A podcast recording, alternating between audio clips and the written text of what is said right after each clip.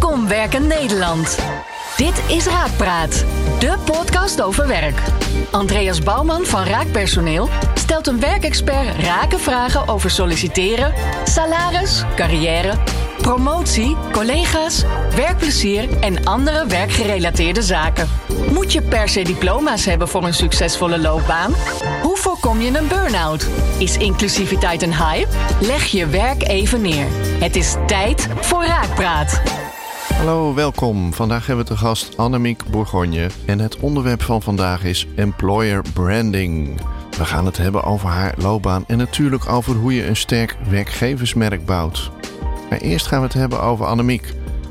Annemiek, welkom allereerst. Ja, dankjewel. Je komt uh, uit Huizen, dus dat is niet zo heel ver hier vandaan, hè, volgens mij. Klopt, ja. Kwartiertje. Kwartiertje rijden, dat is mooi. Ben je ook opgegroeid in, in deze contraien of niet? Nee, verre van eigenlijk. Ik uh, kom uit de buurt van Rotterdam. Dus okay. uh, ik ben opgegroeid in Brielen. In Brielen? onder de rook van Rotterdam zeggen wij dan altijd. Dus, ook een leuk vestingstadje geloof ik? Zeker, absoluut ja. een leuk vestingstadje. Ja, echt uh, heel uh, fijn opgegroeid eigenlijk. Ja. Hij feest uh, met, met iets met, 1 met de geuze. Hè? Ja, Klopt, ja. Ja, ja, de bevrijding van, de, van de stad als eerste van de Spanjaarden. Dus ja. dat, nee, was, ze werd altijd volgevierd in, het, ja, in het stadje, moet ik inderdaad zeggen. Oké, okay, nou dan ga ik een keer met mijn Spaanse vrouw daar naartoe. Ik weet niet of ze wordt weggejaagd dan, maar... ik hoop het niet. nee. Toen jij opgroeide in Brielen, wat wilde je toen worden? Weet ja, je dat nog? Nee, dat weet ik eigenlijk helemaal niet. Was er helemaal niet mee bezig uh, toen ik vroeger uh, klein of groot was, uh, Nee. groot wilde worden. Dus heb je, merk, of je werk gemaakt van een sterk werkgeversmerk bouwen, maar toen jij zelf op de basisschool zat, toen had je geen dromen als nee, schrijver of stewardess of directeur. Nee, ja, of... er is één ding wat in mijn hoofd oppopt, uh, maar dat is echt totaal niet geworden wat, het, uh, wat, wat, ik had bedacht. Dat was straaljagerpiloot. Oh, stoer. Maar dat, ja, dat, dat, dat vond ik dan altijd heel machtig. Om, om dan dacht ik, ja, dan zo heel snel en boven de, hè, boven de wolken natuurlijk. En, uh, maar ja. nee, dat is het niet geworden. Hou je wel nog steeds van vliegen? Ja, dat, dat vind ik wel, uh, ja, dat, dat vind ik leuk. Maar ik moet wel eerlijk zeggen, sinds dat ik kinderen heb, is dat, vind ik dat iets spannender. Omdat je ja. meer te verliezen hebt natuurlijk. Maar, um... Ik ben eigenlijk wel een soort onboarding specialist. Ja, absoluut. ik zie toch een, ik zie toch een haakje. Link, ja, ja. precies. Oké. Okay. Hey, en op een gegeven moment, ja, dan moet je, zelfs als je het helemaal niet weet, uh, moet je natuurlijk toch een beetje gaan kiezen. Ja. Wanneer kwam voor jou het besef van, ik, want je bent gaan studeren, ja. uh, volgens mij. Wanneer wist je wat je ging studeren? Was dat toen een bewuste keus? Nee, eigenlijk niet. Ik heb op de middelbare school heb ik uh, Latijn en uh, Grieks uh, gehad. En dat vond ik altijd heel erg leuk om de verhalen van de oudheden, hè, het verhaal erachter. En nou ja, goed, dat, dat vond ik heel erg leuk. Maar ik ben uiteindelijk rechten gaan studeren. Ja, omdat ik echt niet wist wat ik Oei. wilde worden.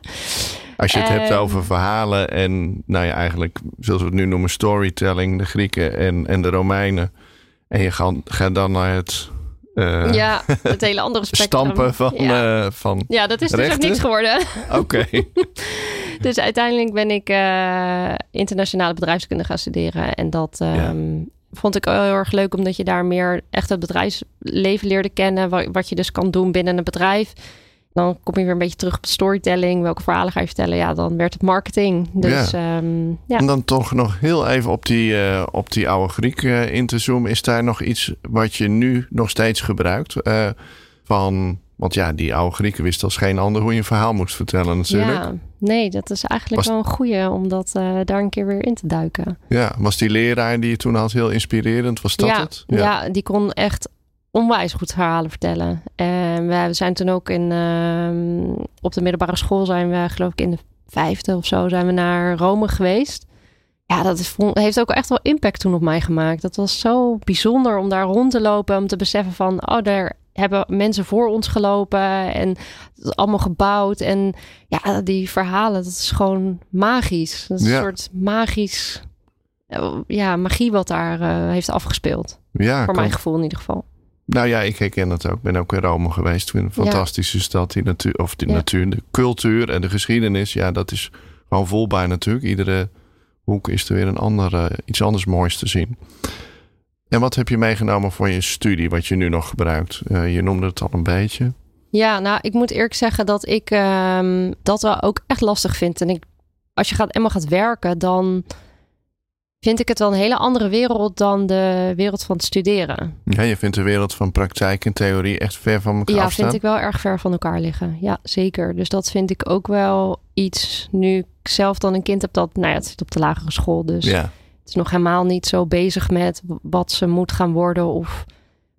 Maar ik vind wel dat we daar als Nederland zijnde wel meer een taak in hebben om dat dichter bij elkaar te brengen. Want ja, als kind zijnde weet je toch helemaal niet wat mogelijk is. Of hè, je hebt dan die praktische timmerman of ja, weet je, allemaal van dat soort beroepen die dan Mhm, benoemd worden. Maar ja. ja, ehm, maar er is ook nog zoveel meer dan dat waar je geen idee van hebt.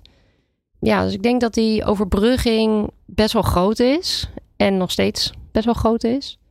Ehm, dus voor mij, ja, ik vond het altijd wel heel erg leuk om te werken. Hè. Dat is misschien ook die Rotterdamse mentaliteit, eh handen Ja. uit de mouwen opgaan. Ehm, dus ik vond het ook altijd veel leuker om te werken dan, dan te studeren. ja, had je achteraf misschien niet beter het op HBO kunnen doen? Want dat is meer praktijkgericht. Daar leer je een Ja, vak, nou? Uiteindelijk heb ik ook eh, HBO eh, afgemaakt. En, Ja. ehm, eh, zeker. Dus ik heb veel stages gelopen en dat vond ik heel erg fijn. En daardoor ben ik ook al gaandeweg meer achtergekomen. Oh ja, ik vind echt dat marketingstuk leuk. Want merkte ik dat ik goed ben in organiseren. En het stukje eh, ja, vermarkten van iets praktisch, iets, iets, hè, iets tastbaars. En dat vond ik heel, heel erg leuk om te doen. Dus eh, Ja. Ja. Ja, en eh, wat ik heel erg merk, ik ben 45 en je hebt ook heel veel mensen die op hun 30ste dan weer wat anders gaan doen. En dan op hun 40ste en op hun 50ste. Ik bedoel. ja, je ehm, kan jezelf natuurlijk continu opnieuw eh, uitvinden. Dus dat, eh, Ja, hè, en- dat, dat is zeker zo. Exact.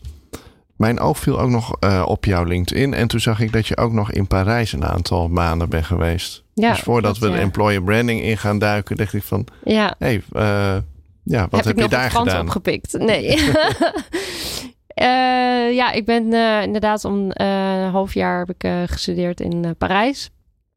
Omdat ik een internationale studie deed, eh, was dat ook een mogelijkheid. Ja, ik ben ook de generatie dat alles kan. Dus ja, waarom dit ook niet? En dat vond ik, ik, ik ja, ik weet niet eh, waarom Parijs. Ik, ik, ik vond het ook weer iets magisch hebben. ehm, en dat was het ook. Ja, precies. Ik heb, eh, je, je kon zeg maar bij de studenten zitten, bij de, eh, echt in, die in die campus. Nou, dat heb ik niet gedaan. Ik ben in, midden in de stad gaan zitten. Is dat niet peperduur? Tenminste, dat is mijn idee van... Dat, dat is het zeker. ja, maar goed, ik eh, ehm, had hele lieve ouders.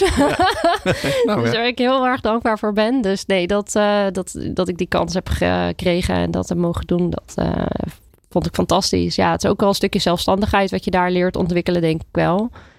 Dus dat, ehm, ja, weinig Frans eh, opgepikt, maar wel heel veel ja, geleerd en, en de mooie stad kunnen ontdekken. Nee, en de meeste, want na die studietijd, Parijse tijd, ja, uiteindelijk ben je afgestudeerd, ben je gaan werken in de marketing. Wat heb je in die twaalf jaar, heb je daar meer geleerd eigenlijk dus in die praktijkervaring met die marketing afgelopen twaalf jaar volgens mij? Hè? Ja, vind ik wel. Ja, kijk, je hebt wel natuurlijk een bepaalde basis dat je een bepaalde denkwijze aangeleerd krijgt tijdens je studie. Maar of je nou die modellen die je daar allemaal leert echt dagelijks toepast in je praktijk, nee. En wat was het grootste verschil als je dan eh, ergens werkte? En ja, wat was jouw, want marketing is behoorlijk breed. Waar, Ja. waar focus je- Eh, nou, ik, ik omschrijf mezelf eigenlijk altijd als een generalist. Ik ehm, weet van alles een beetje. Dus ik kan goed meepraten als het gaat om bepaalde specialismes. Maar ik ben geen SEO-specialist of ik ben geen grafisch eh, designer. Ehm, ik ben geen copywriter. Maar ik kan wel ehm, meer op strategisch helikopterniveau meer gaan nadenken van... hé, hey, oké, waar, waar schort het hem aan? Waar moeten, we, hè, waar moeten we allemaal aan denken? Dus wat dat betreft ehm, zijn er ook wel bepaalde specialisten misschien die ik me meer toeken dan bijvoorbeeld als het gaat om een website maken. Ja, dat, daar ben ik bijvoorbeeld wel goed in.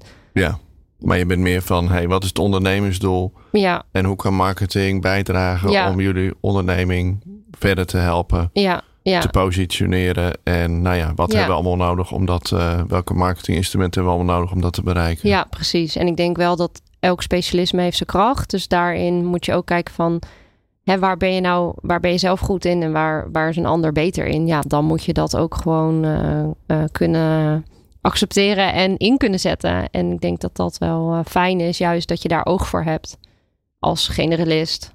Van oké, wat is er nodig en wat kan ik dus wel zelf en wat kan ik betere specialist laten doen. Ja, helder.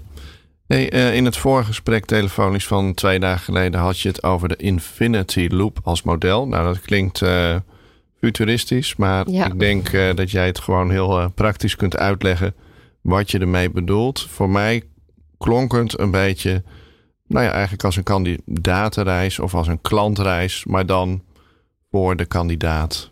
Ja, Heb ik het dan goed um, verwoord of kan nou ja, ik denk, ik denk dat het meer is inderdaad een reis voor de werkgever. Want mhm. je bent, hè, employer branding is echt bouwen aan een sterk werkgeversmerk om je huidige medewerkers te behouden, maar ook nieuw talent aan te trekken. Dus het is eigenlijk dat hele proces het hele van, spectrum. Het, van het allereerste contact van een mogelijke nieuwe collega totdat eigenlijk misschien zelfs al nadat ze vertrokken zijn? Ja, ik denk het wel. Want als je, daar, als je dat zo breed ziet en, en, dan, en neemt, dan is er ook gewoon geen ruimte meer om te zeggen van, oh, ik heb erg steken laten vallen. En ik denk wel, als je dat vanuit die, die hele breedte als werkgever benadert, dan ben je dus in elke fase van iemands werkleven aanwezig.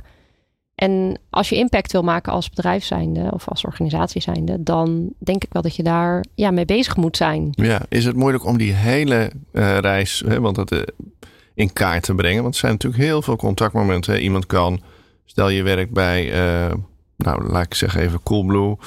Ja, iedereen kent dat merk wel. Je ziet het voorbij komen op advertenties online. Je ziet een billboard, je ziet misschien een fysieke winkel. Ja, voordat iemand al gereageerd heeft op een vacature of überhaupt contact heeft opgenomen, heeft hij misschien wel honderd verschillende keren het bedrijf gezien. Ja, dat klopt. Dat is ook, er is ook veel verzadiging. Dat, dat, dat klopt. Dat is ook zo. Ik denk ook wel dat.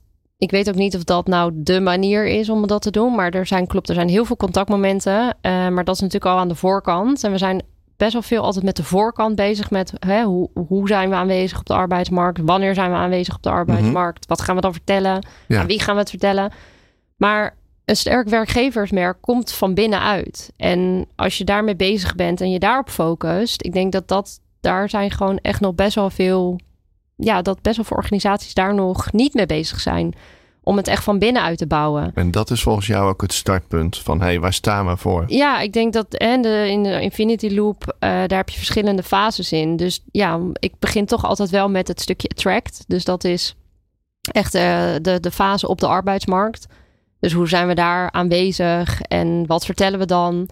En wat je al zei, er is gewoon heel veel verzadiging met uh, veel campagnes die mensen al inderdaad doen. Dus ja, ga maar eens opvallen in zo'n, in zo'n hele is een heel veld waar uh, tien verschillende bedrijven, tienduizend verschillende bedrijven jou aanspreken. Zeggen, hé, hey, je moet bij ons komen werken. Ja, misschien, Annemiek, is voor de luisteraar ook handig om even een beeld te krijgen bij die Infinity Loop. Dat er dus vier componenten zijn volgens mij. Als ik het goed zeg, is het attract, onboarding, engage, advocate. Mooie Nederlandse woorden. uh, maar ik denk dat iedereen wel kan begrijpen wat je ermee bedoelt. Voordat we ze dan één voor één gaan behandelen, toch even toelichten? Attract, onboarding, engage, advocate. Ja, attract dus is echt het aantrekken. Het aantrekken van potentiële nieuwe medewerkers naar jouw uh, organisatie toe het stukje onboorden. Dus onboard, ja, is gewoon onboorden is het, uh, hoe landen ze binnen jouw bedrijf? Hoe laat je ze landen binnen je bedrijf? Het inwerktraject noemen we het Zeker, ooit. Zeker, ja, ja. En um, engage is echt, hè, hoe maak je die verbinding? Hoe houd je die verbinding? Hoe houd je ze betrokken eigenlijk uh, met, je, met je bedrijf? En wat voor concrete dingen versta je daaronder? Want die vind ik wat lastiger, dat vind ik een beetje abstract. Ja, dat, dat is het denk ik ook wel. En daarin zit bijvoorbeeld het spectrum met, uh, met de driehoek die ik duidelijk altijd zie binnen employer branding, marketing, HR recruitment en ook de directie. Um, waarin je meer gaat kijken naar bijvoorbeeld de waarden die je hebt binnen een bedrijf. Uh, ja, hoe laat je die leven? Hoe laat je mensen daar onderdeel van zijn? Um, dus dat heeft heel veel verschillende eh, spectrums eigenlijk. Hè. Het interne communicatiestuk komt daar denk ik wel heel erg uh, naar voren. Okay. Maar bijvoorbeeld ook uh, evenementen, bijeenkomsten die je organiseert. Precies, oké. Okay, nou dan kunnen we daar straks even op inzoomen wat, wat dan voor concrete acties op dat punt kunnen worden genomen. En het laatste is advocate. Ja, advocate. Dus dat is meer het ambassadeurschap. Dus hè, dan praat je over employee advocacy. Dus ook weer zo'n lekkere term die we erin hebben gegooid uh, afgelopen jaren. Waarin je ja, meer praat hoe kan je van je werknemer een ambassadeur maken. Ja. Dus dat, uh, dat is dat onderdeel. Oké, nou, uh, je was er al even mee begonnen, maar dan een eerste van die vier onderdelen van die loop is dus het aantrekken van nieuw talent, attract. Heb je een voorbeeld van een bedrijf of uh, nou, wat dan ook, wat dat goed weergeeft, wat dat precies is? Ja, nou, er zijn natuurlijk heel veel verschillende manieren om te doen. Maar om uh, bijvoorbeeld uh, heel eventjes te zijn, de afgelopen dinsdag waren er, nou dat is al een tijdje terug. Maar goed, ehm, de Werf en Awards zijn geweest waarin je toch ook alweer de hele mooie voorbeelden krijgt van werk werkgevers die zichzelf goed positioneren op de arbeidsmarkt. En uh, daar zag ik een case voorbij komen van Defensie. Mm-hmm. Die veel meer op het inspiratieniveau hun campagne naar buiten heeft gebracht dan uh, ja, andere bedrijven die veel meer zitten op van uh, waarom we zo onwijs cool zijn dat mensen bij ons moeten komen werken. Mm. Dus het is dus veel meer de mens achter, ja, de, de mens achter het bedrijf. Dus en dat vind ik heel erg ja. mooi. En volgens mij zijn die ook echt wel veranderd. Want een aantal jaar geleden hadden ze hele stoere video's van. Uh, ja, dan zag je echt hele gelikte video's op uh, websites waar een doelgroep zit. Bijvoorbeeld Geen Stijl. Of uh, was toen in ieder geval zo. Ja, met actie, avontuur en door de modder kruipen. En met geweren knallen en ja. op tanks staan. Wat is nu hun. Uh, heb, je, heb je toevallig. Ja, ja ik heb, ik heb uh, inderdaad uh, de campagne gezien. Ja, het is veel meer achter de mensen. Dus je krijgt veel meer gevoel mee. Van ja, nou, ik, wil, ik wil dit eigenlijk ook wel. Het is, het is meer onderdeel zijn van, maar op een zachtere manier dan inderdaad ja, wat jij. meer, ook ik wil goed doen voor de wereld en mensen helpen en iets betekenen, toch? Volgens mij is zeker. het meer die kant op. Ja, absoluut. Dus dat, dat vond ik heel erg mooi om te zien. En afgelopen jaar vond ik het briljant van Randstad uh, met het andersom solliciteren. Nou ja, ja. Um, dat vond ik heel erg leuk. En zij zijn ook wel wat bolder in hun benaderingen altijd, vind ik, dan, uh, dan sommige anderen. Dus dat, vind, dat vond ik een hele leuke campagne, ja. Ja, en afgezien van dat het een nou ja, weergeeft van waar we, waar we zitten in de arbeidsmarkt, dat de kandidaat gewoon uh, kan kiezen. Vond ik ook de humor van Randstad ja. wel wel leuk en ook wel gedurfd voor zo'n corporate uh, dat ze dat doen. Nou zeker, ja. En humor doet het altijd goed in de, in de voorkant op de arbeidsmarkt. Ja, maar humor is ook wel heel lastig, want ja, wat de een leuk vindt, vindt de ander weer minder grappig. Ja, klopt, ja. ja. Dus uh, nee, ik vond het ook een geslaagd voorbeeld uh, wat je noemt. Dan moeten we natuurlijk nog zien of ze succesvol zijn. Dat weet ja. ik van beide campagnes eerlijk nee, gezegd niet. Ja, dat is ook altijd wel lastig hoor. Om uh, goed uh, te kunnen analyseren van... Maar ja, goed, dat hebben we als marketing zijn natuurlijk wel altijd met de data die je eruit haalt. Uh, uh, maar volgens mij, Randstad is wel succesvol geweest. Daar, uh, ik, ik, weet de cijfers niet uit mijn hoofd, maar mm. ik, ik heb ze wel gelezen dat dat echt wel een succesvol campagne was. Ja. Mooi, ja, het is ook echt iets wat is blijven hangen, inderdaad.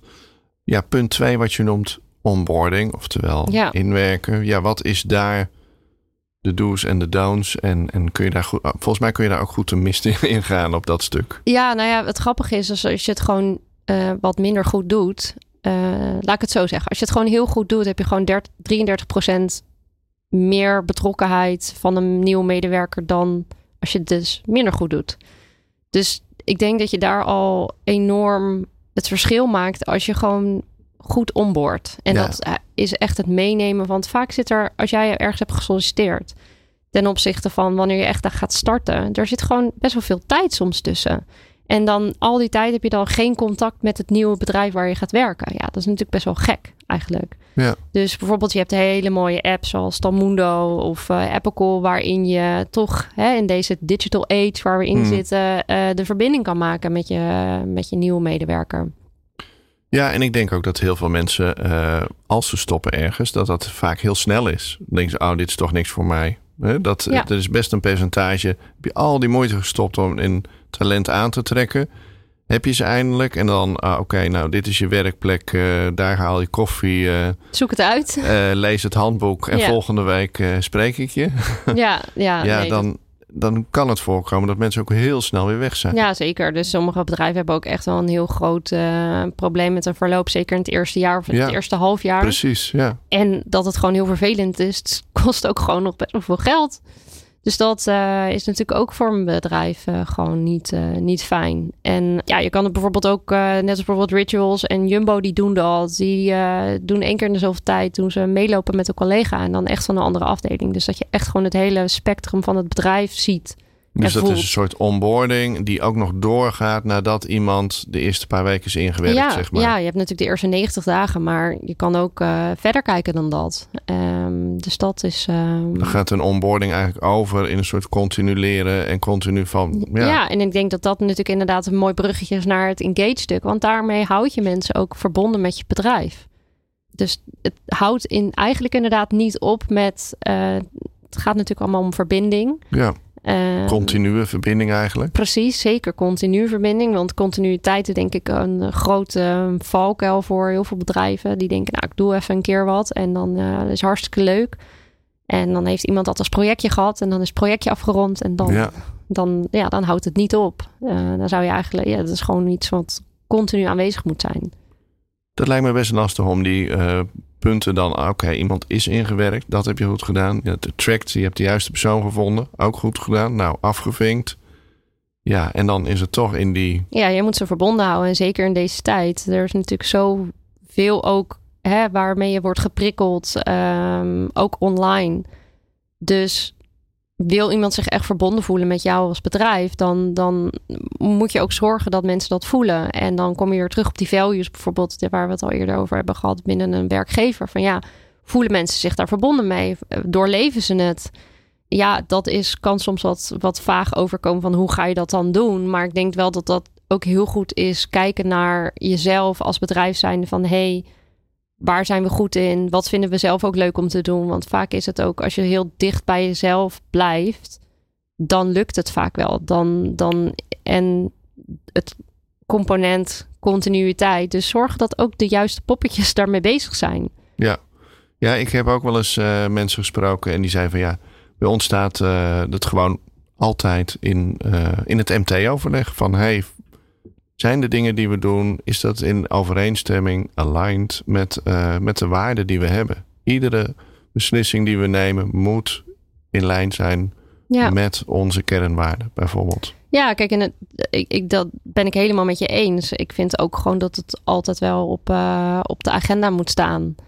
En zeker als je mede, hè, meerdere afdelingen ervan uh, verantwoordelijk voor maakt, dan is die betrokkenheid, denk ik, ook vanuit, de, vanuit het bedrijf zelf groter.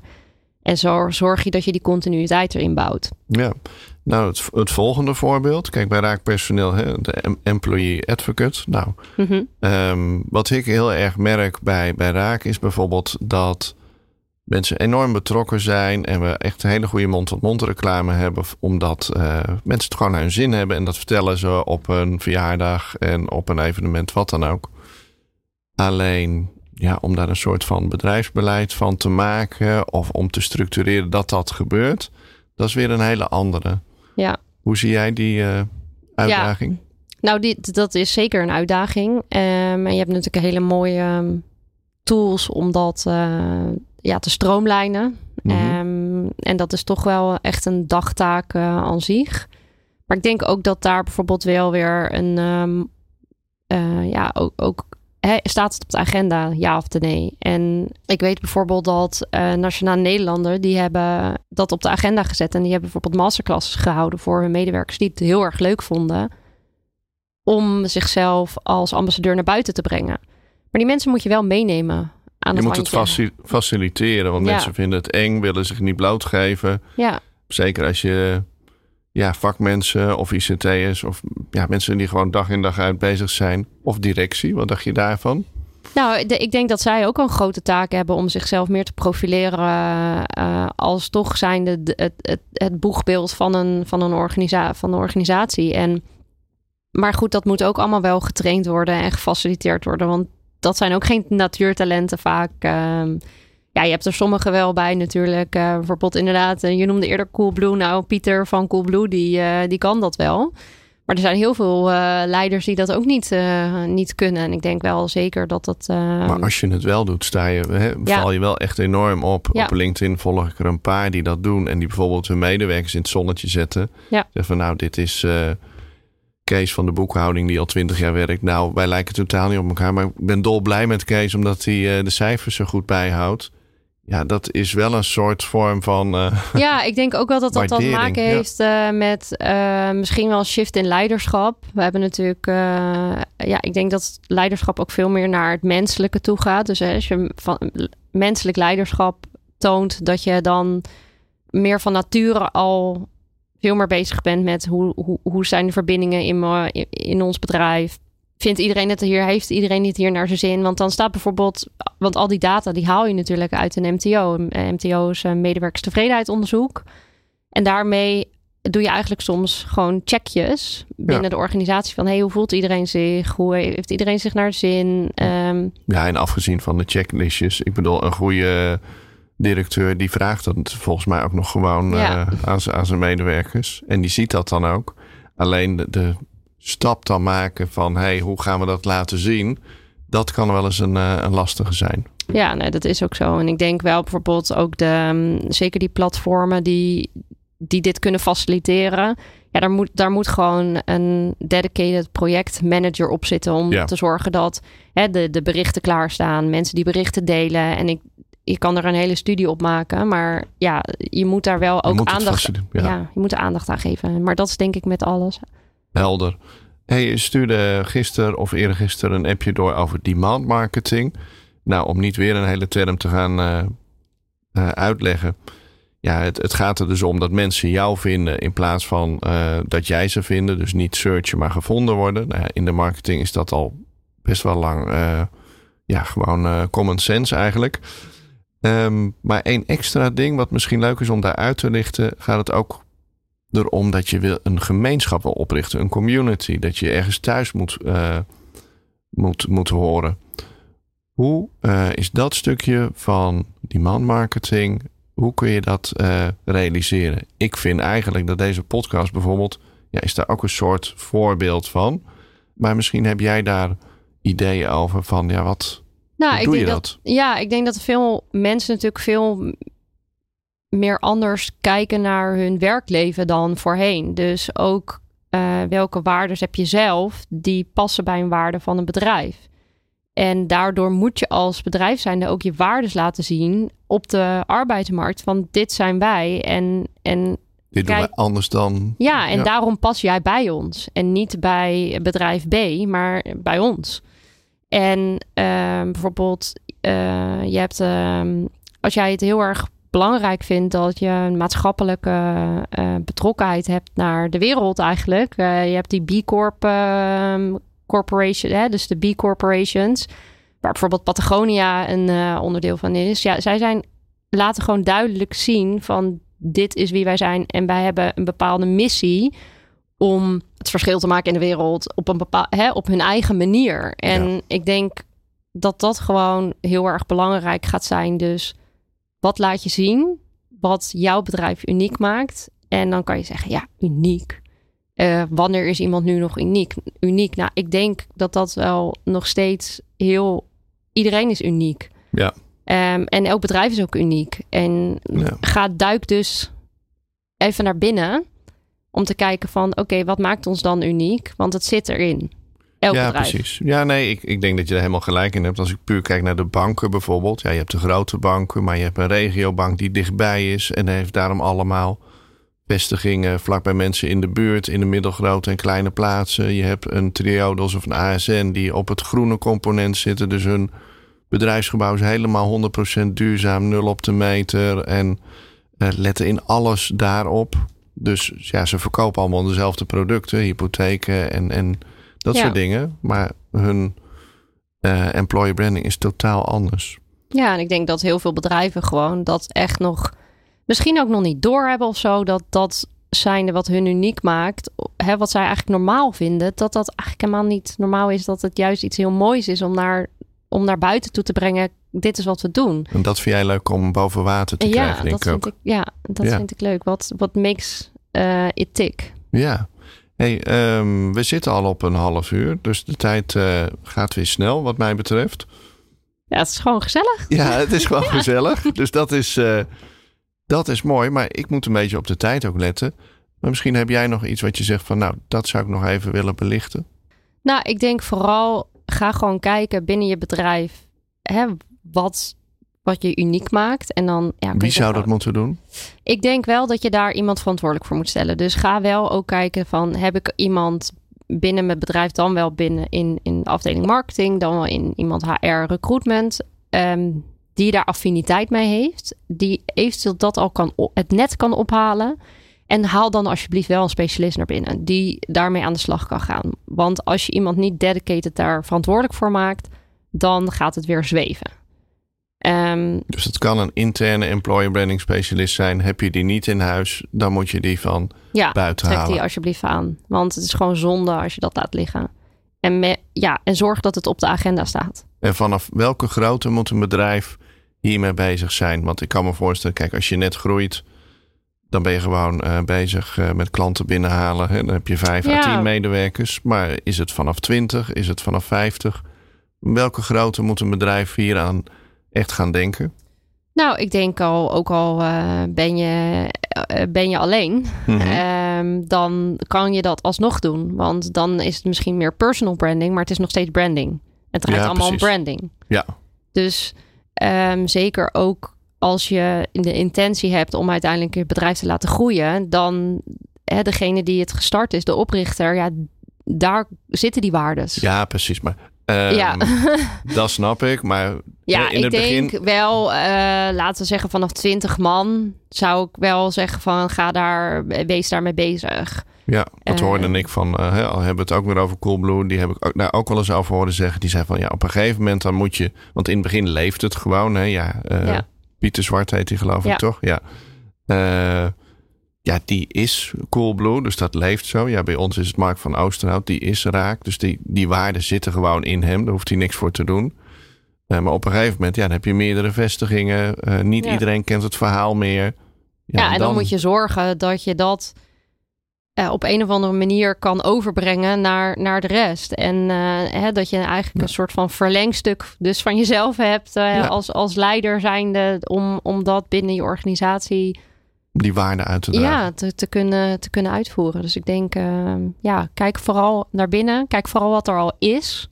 Want heel veel bedrijven vergeten ook al, er is echt al wel wat. Ja. En ga daarmee verder aan de slag. Bouw het uit. Hey, en stel dat iemand contact met jou wil opnemen. Wat is dan de snelste weg? Moeten ze dan gewoon naar je LinkedIn? Of heb je een website uh, waar ze contact mee kunnen opnemen? Ja, dat heb ik allebei. Als marketeer zijnde vind ik ja. natuurlijk dat ik dat ook moet hebben. Maar LinkedIn is zeker een makkelijk uh, middel om dat uh, te doen. En dan vinden ze de weg naar mijn website vanzelf.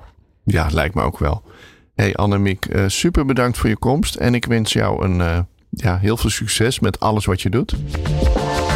Bedankt voor het luisteren naar Raakpraat. Binnenkort weer een nieuwe aflevering met Andreas Bouwman en een verse werkexpert. Meepraten? Check de show notes en abonneer je op onze podcast. Werk ze!